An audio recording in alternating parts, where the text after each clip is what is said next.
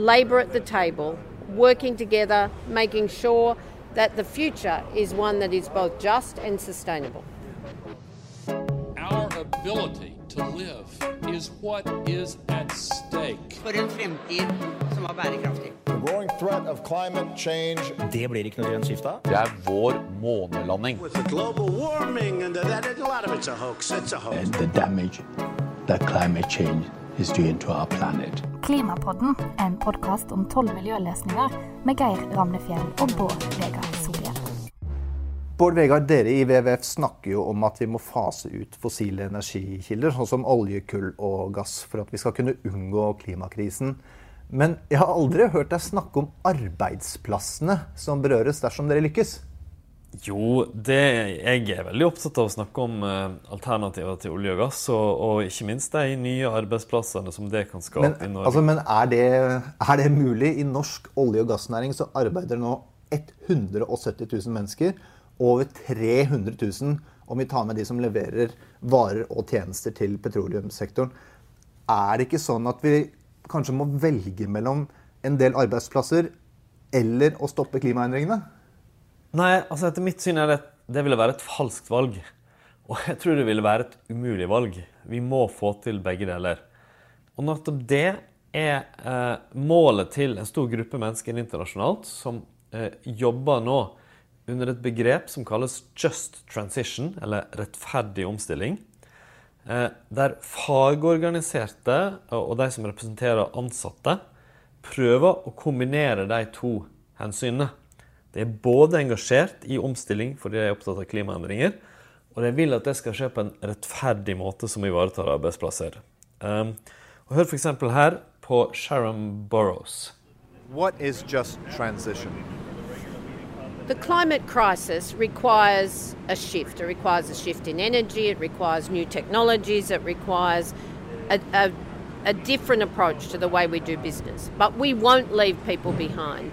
And so, just transition is about making sure that vulnerable workers and their communities, and indeed uh, those workers in new industries that come from the opportunity of investment in uh, cleaner, greener technology, that rights, benefits, organised labour, these things are absolutely guaranteed. Det du hørte her, var Sharon Burrow. Hun er leder for ITUC, som er en slags eh, den internasjonale versjonen av LO, en forbund. I USA og i veldig mange andre land så, eh, så er miljøbevegelsen mer preget av, av dette begrepet og dette konseptet med just transition. Eh, og Det var også noe som eh, overraska oss litt Bård Vegard, da vi var på den store klimamarsjen i San Francisco. Eh, at det var veldig store deler av toget hvor, hvor det var banneret som prega, prega opptaket. Um, men, og, det, og, det, og det er naturlig i et land med, med, med, hvor det er store forskjeller. Men, men hva betyr det i Norge? Det er et godt poeng. Ordet 'justice' så du veldig mange steder i demonstrasjonen. Hvis du ser på det i norsk kontekst, det første som er viktig, er jo at det innebærer at man erkjenner at det blir en overgang, òg for oss. Så det blir en transition. Um, det kommer til å være nødvendig å legge om, men det må skje på en måte som er rettferdig for de som da f.eks. jobber i olje og gass, som er veldig mange i dag. Um, det andre som jeg tror er viktig, er at den overgangen vil i seg sjøl skape mange nye arbeidsplasser og muligheter. For selv om fornybar energi har en, fortsatt en ganske liten andel av det totale energiforbruket, så er det en veldig stor vekst der i forhold til på andre områder, og særlig for sol og, og vindkraft. Ja, Vi har jo sett at Trump, har, president Trump i USA han har gått inn og prøvd å beskytte amerikanske arbeidsplasser i kullindustrien og gikk til valg på det for å treffe viktige målgrupper for han. da. Men dette er på en måte det motsatte, da, altså satse på de nye arbeidsplassene. Ja, det kan du si. Og, og kanskje kan man si det sånn i, i, om, om, Norge at det, det, det, ligger i den tradisjonen som vi har om å være mer opptatt av arbeiderne enn de eksakte arbeidsplassene. Eh, fordi en ny studie som er kommet ut nå fra universitetet i Massachusetts her i USA, den viser jo at eh, fornybar energi skaper langt flere jobber når man investerer i det, enn fossil energi at du får rundt tre ganger så mange arbeidsplasser for å investere i sol eh, eller vind i forhold til fossil energi som olje og kull eller atomkraft her i USA. Og mye av det samme bildet er åpenbart riktig òg i Norge. Mm. Men, men, det her det skjer jo ikke av seg selv. For det første så er det jo politisk eh, vanskelig. Men det kan jo også være sånn at ansatte kan mangle kompetanse, investeringene kan komme på feil steder. Vi spurte lederen av det internasjonale LO om hennes tanker rundt dette. And how do we prepare society and the workers to meet this transition? We talk to them. When Labor's at the table, then if you want to get the job done, you negotiate with the representatives of workers who talk indeed to the, the factory workers, the community workers, the energy workers, people all over the country. So when Labor says we need to get it done, but we need to sit at the table and make it happen with the justice that says no one will be left behind, then you can trust that we're going to be there. We come from Scandinavia, right? Where unions are strong and have a strong position at the negotiating table. And as you know, uh, work closely with uh, with uh, governments and so on. How is that different in terms of just transition work from other countries, like in the U.S., where uh, the degree of organization is much lower? Well, the ambitions are absolutely the same. Because of the strength of the unions in Scandinavia, then at the bargaining table, they need to work out what it is that will afford a just transition, both for vulnerable communities and investment in vulnerable communities, as well as support for workers and their families, and what it will take to make sure that prevailing wage rates, agreements around new jobs are also struck. So it's the same challenge labour at the table, working together, making sure that the future is one that is both just and sustainable. Det var Sharon Burrows med den internasjonale konteksten. Eh, og Hun er en person som har vært drivende viktig for det internasjonalt. Men òg Tyskland så er dette blitt et stort tema. Der jobber fagforeninger for en rettferdig omstilling bort fra kullindustrien. Og kanskje aller mest interessant, Angela Merkel satt ned et utvalg, en slags kommisjon, med bedriftsledere, ansattesrepresentanter, miljøbevegelse og staten sammen der man diskuterer hvordan skal vi få til omstilling bort fra avhengigheten av kull og kullindustrien på en rettferdig måte i Tyskland. Mm. Og i, i Norge så, så, har vi jo vår på akilleshæl, oljeindustrien. Og som du var eh, inne på tidligere, Bård Vegard, så har jo Norge og de skandinaviske landene tradisjonelt sett vært mer opptatt av arbeiderne enn av arbeidsplassene. Det er litt sånn vår samfunnsmodell er skrudd sammen, med små forskjeller og med trepartssamarbeidet. Så har vi ofte hatt bedre forutsetninger for å gjennomføre store omstillinger i økonomien. Hans Christian Gabrielsen, eh, LO-leder. Nå er vi i eh, Berkeley i eh, USA i forbindelse med et klimatoppmøte her i San Francisco. Men hvis vi ser fra et norsk perspektiv, hvordan er det norske samfunnet forberedt på en slik omstilling, en slags sånn rettferdig omstilling? Vel, altså, Det norske samfunnet er nok bedre forberedt enn de aller fleste. Og hvorfor er vi det?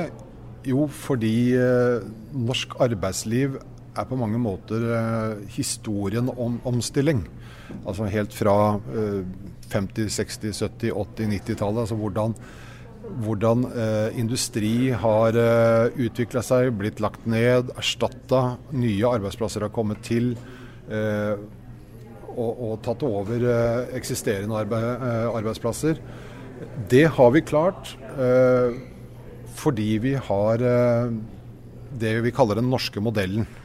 Altså Den norske modellen som i bunn og grunn handler om at vi, vi har små forskjeller. Vi har en velferdsstat, vi har et sikkerhetsnett, vi har en økonomisk fordeling, vi har et organisert arbeidsliv som sikrer at det er relativt små forskjeller i samfunnet.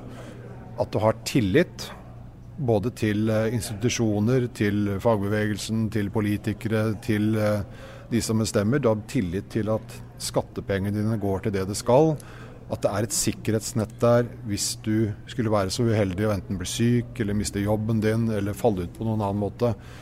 Den tilliten som, som den norske eh, modellen og det norske samfunnet bygger på, gjør at vi er mye mer omstillingsdyktige enn veldig mange andre eh, land. Eh, det er et veldig godt utgangspunkt for også den omstillingen som klima og endringene og skiftet og de nødvendige endringene må føre med seg. Fordi vi har den historien, den kulturen, tradisjonen. Eh, men det kommer jo ikke til å bli lett. Eh, men det skal vi også være litt glade for, for hadde det vært lett, så hadde alle andre gjort det før oss. Men, men vi skal eh, Vi må forbedre en del områder. Og det handler kanskje først og fremst om muligheten for etter- og videreutdanning for kompetansepåfyll, som vil være helt nødvendig for å kunne ta del i de nye jobbene som kommer til erstatning for de gamle. Mange vil sikkert føle en slags uh, utrygghet overfor sånne store omstillinger som dette, som, som en grønn omstilling vil være. Uh, hvordan kan dere være med på å uh, forsikre dem om at det kan gå bra? Ja, Det er etter mitt syn en av de store og viktige spørsmålene som vi, vi bør ha en stor samtale rundt egentlig i, i tida som kommer framover. Fordi det er mange drivere nå. Det er den grønne omstillingen, det er klimautfordringen, det er globalisering. Det er digitalisering og automasjon. Eh, migrasjon. Eh, som summen av dette gjør at veldig mange føler på en utrygghet. Og det gir seg ulike utslag. Vi har jo sett resultater av det her i USA med valget av Trump eh, og hans løsninger. Og når jeg sier løsninger, så gjør jeg det litt i hermetegn, men altså hans forslag til å, å møte det. Eh, vi ser det med brexit. Eh, vi ser det med valget av ulike regjeringer også i Europa, som veldig mange tar de kanskje for noen naturlige valgene at man trekker seg mer innad man er usikker, man skal beskytte seg selv. Jeg tror for Norge så er det helt avgjørende at vi klarer å bevare det som er gullet i den norske modellen. Eh, og det er tilliten. Det at vi har tillit til hverandre, til institusjoner, til politikere organisasjoner, det er etter mitt syn selve gullet i, i den norske modellen. Det må vi ikke miste. Men for at vi skal bevare det, så må vi sikre at vi én kan finansiere velferdsstaten framover. Og for at vi skal gjøre det, så må vi skape nye jobber eh, til erstatning for de som blir borte. Vi må sørge for at flere blir inkludert. Vi må sørge for at de som skal jobbe, har den kompetansen som er nødvendig. Og ikke minst, de som er i jobb i dag, at de også kan eh, få kompetanse som gjør at de kan gå en annen vei eller inn i andre nye typer jobber. Klarer vi det, så eh, mener jeg det er all grunn til å si til eh, folk at eh, den tryggheten skal man føle på. Men det fordrer også at vi har et organisert arbeidsliv. At vi har myndigheter som anerkjenner det organiserte arbeidslivet, som tilrettelegger for det. Både på arbeidstakersida og på arbeidsgiversida. Og at disse tre partene fortsetter å jobbe sammen. Eh, på den beste måten eh, som vi kan eh, legge for dagen. Eh, og med det som et utgangspunkt, så mener jeg at vi har alle muligheter til å lykkes. Dagen etter at vi gjorde dette intervjuet med Hans Christian Gabrielsen i San Francisco, kom nyheten om at byrådsleder i Oslo, Raimond Johansen, og LO hadde underskrevet en avtale om en grønn og rettferdig omstilling to establish a just transition task force in Oslo.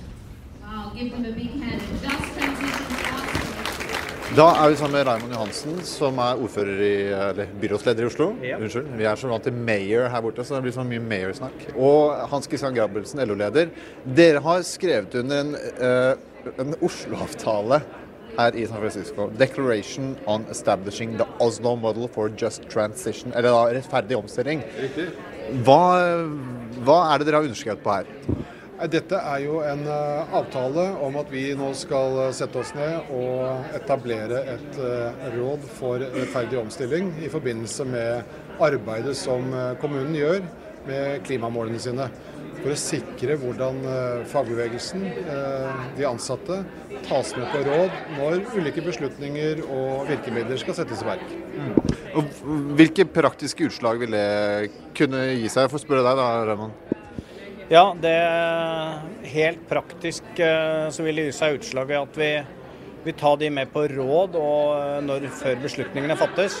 F.eks. når vi skal stenge deler av biltrafikken ute av Oslo sentrum, så er det jo veldig mange andre, bl.a. de som skal levere varer, de som jobber i butikkene, kan jo få en endret hverdag som følge av det. At de er med på råd, kommer med forslag, og at de også får informert de det faktisk gjelder, er veldig viktig. For det skal ikke bli sånn at det grønne skiftet blir senest bare som en trussel mot folks arbeidsplasser, men nettopp evnen, muligheten til å skape nye arbeidsplasser. Og de som sitter ved bordet, faktisk skal bli lytta til. Takk skal dere ha. Dette er jo en, en litt sånn uforpliktende eh, avtale. Men hvis man skal forstå hensikten med den, så er det vel det å signalisere at selv om man f.eks. begrenser biltrafikken inn til sentrum og gjør andre eh, tiltak som, som, gjør inngrep i vanlige folks og eh, arbeidstageres hverdag, så ønsker man å skjerme eh, arbeidstakerne og arbeidsplasser. Ja, både Oslo kommune og LO prøver på en måte å sette et eksempel, tror jeg, for, eh, for Norge, men eh, kanskje også resten av verden, om hvordan myndigheter og fagbevegelse kan samarbeide for å sikre bedre omstilling og for, kanskje forstå òg bedre arbeidstakernes ønsker og behov i en omstilling. Men mye må skje raskt. Behovet for omstilling kan komme raskere enn det eh, vi virker forberedt på. Tidligere i høst så slapp den uavhengige tenketanken Carbon Tracker, som jobber med å kartlegge energimarkedene og følge det i forhold til, til klimaendringene, en rapport som viste at allerede i 2023 så kan det komme en såkalt peak oil demand. Altså at oljeetterspørselen vil være på topp, og at det derfra går nedover. For Norges del er jo dette kjempealarmerende. Hvordan skal vi kunne gjøre denne omstillingen rask nok? Det er jo et veldig viktig poeng. Altså, fem år er jo kjempekort tid. Og selv om det skulle gå litt lenger, så er det i, i, i en økonomisk sammenheng kort tid. Men omstillinga vil skje mye lettere om den skjer gradvis, planlagt og med tiltak som kan støtte opp om den. Eh, og husk at For noen år siden så fikk vi jo testa det ut da oljeprisen sank kraftig. Titusener av ansatte mista jobben sin i oljebransjen. Og da så vi at ganske mange av dem kom til nytte andre steder. De fikk seg jobb i ulike næringer. Eh, og jeg synes det er viktig i den tenkningen her at vi har som utgangspunkt at selv om vi i framtida ikke vil trenge olje og fossile brensler som produkt, så vil vi til de grader, de grader trenge oljearbeiderne og kompetansen deres. Noen vil jobbe i nye eventyr på offshore vind, f.eks. Andre vil jobbe i helt nye, men likevel grønne og viktige næringer på land. Og noen vil trolig jobbe med å ta kompetansen videre til ting vi i dag ikke vet eller forstår hva er for noe. Hans Christian Gabrielsen, nå har vi jo vært innom en del av disse eh, punktene. Men hvis du skal oppsummere, hva er det viktigste for å få til en rettferdig omstilling? Sett med norske øyne så handler det jo først og fremst om tre ting. Eh, eller i realiteten fire, men, men, eh, det handler om å skape nok nye jobber. Gode jobber, kvalitetsjobber eh, for framtida. For det, det handler om hvordan vi skal finansiere velferden vår. Så handler det om den omstillingen som skal skje, at den skjer på en slik måte at fagbevegelsen, de ansatte, har medvirkning, medbestemmelse, at de er med på løsningene. Det er på den måten du får de beste, de mest robuste eh, og varige løsningene. Eh, det tredje i forlengelsen av det handler vel også om å gjøre det forståelig for folk, og forståelig for arbeidstakere, hvorfor man skal endre, hvorfor man skal uh, omstille. Altså Hvis du gjør det krevende, umulig for folk å gjøre jobben sin, eh, la oss si bare med transportsektoren i, i Oslo. Hvis dette gjøres uten at man uh, har en god medvirkning med de som faktisk er berørt, så risikerer man at man får mye friksjon, motstand. Det fjerde kanskje det aller, aller viktigste, det handler om en kompetansereform eller etter- og videreutdanning. Nettopp det at vi sikrer landets arbeidstakere, den oppvoksende slekt, den kompetansen som er nødvendig, og som skal til for at vi kan gå inn i nye jobber, gjøre andre oppgaver, og sikre at vi også er eh, rusta for framtiden kompetansemessig. Jeg tror Hans Christian Gabrielsen her er innom de viktigste punktene. Men jeg tror den norske utfordringa er jo ikke å sitte og håpe at olje og gass varer lenger og lenger, men å tørre å forstå at det kan gå veldig fort, og at vi derfor må aktivt forberede oss på den endringa. Ok, og nå er vi ved veis ende i denne episoden, Bård Vegar. Da vet du at du skal til pers på vår, eh, vår faste post, hvor du skal eh, rangere fra én til tolv. Hvor én er det minst viktige, og tolv er det mest viktige. Hvor viktig er det med en rettferdig omstilling i, eh, som en del av miljøløsningene? Altså, det er jo enormt viktig. Kanskje er det sånn at vi vi, vi kun får til den omstillinga i mange land hvis den skjer rimelig rettferdig. Um, men for Norges del så er det jo òg sånn at selv om det er kjempeviktig, så er verden brutal. Hvis fornybar energi vinner gjennom, og olje og gass taper, så vil det slå inn over oss. Uansett om vi har forberedt oss godt eller ikke. Sånn sett kan du si at det her mest er et spørsmål om vi skal møte virkeligheten på en forberedt måte som ivaretar folk, eller om vi skal liksom snuble inn i den etterpå. Så jeg, min oppsummering er at viktig, ja. Eh, men eh, omstillinga kom uansett, så en åtter. Takk skal du ha, Bård Klimapodden er laget av Dagbladet med produsent Marie Røsland. Programleder er politisk redaktør Geir Emnefjell i Dagbladet, og ekspertkommentator er Bård Vegar Solhjell med faglig bidrag fra Ragnhild Vågård i WWF. Og du, hvis du likte denne podkasten, abonner på den, del den veldig gjerne med vennene dine, og gi oss gode tilbakemeldinger.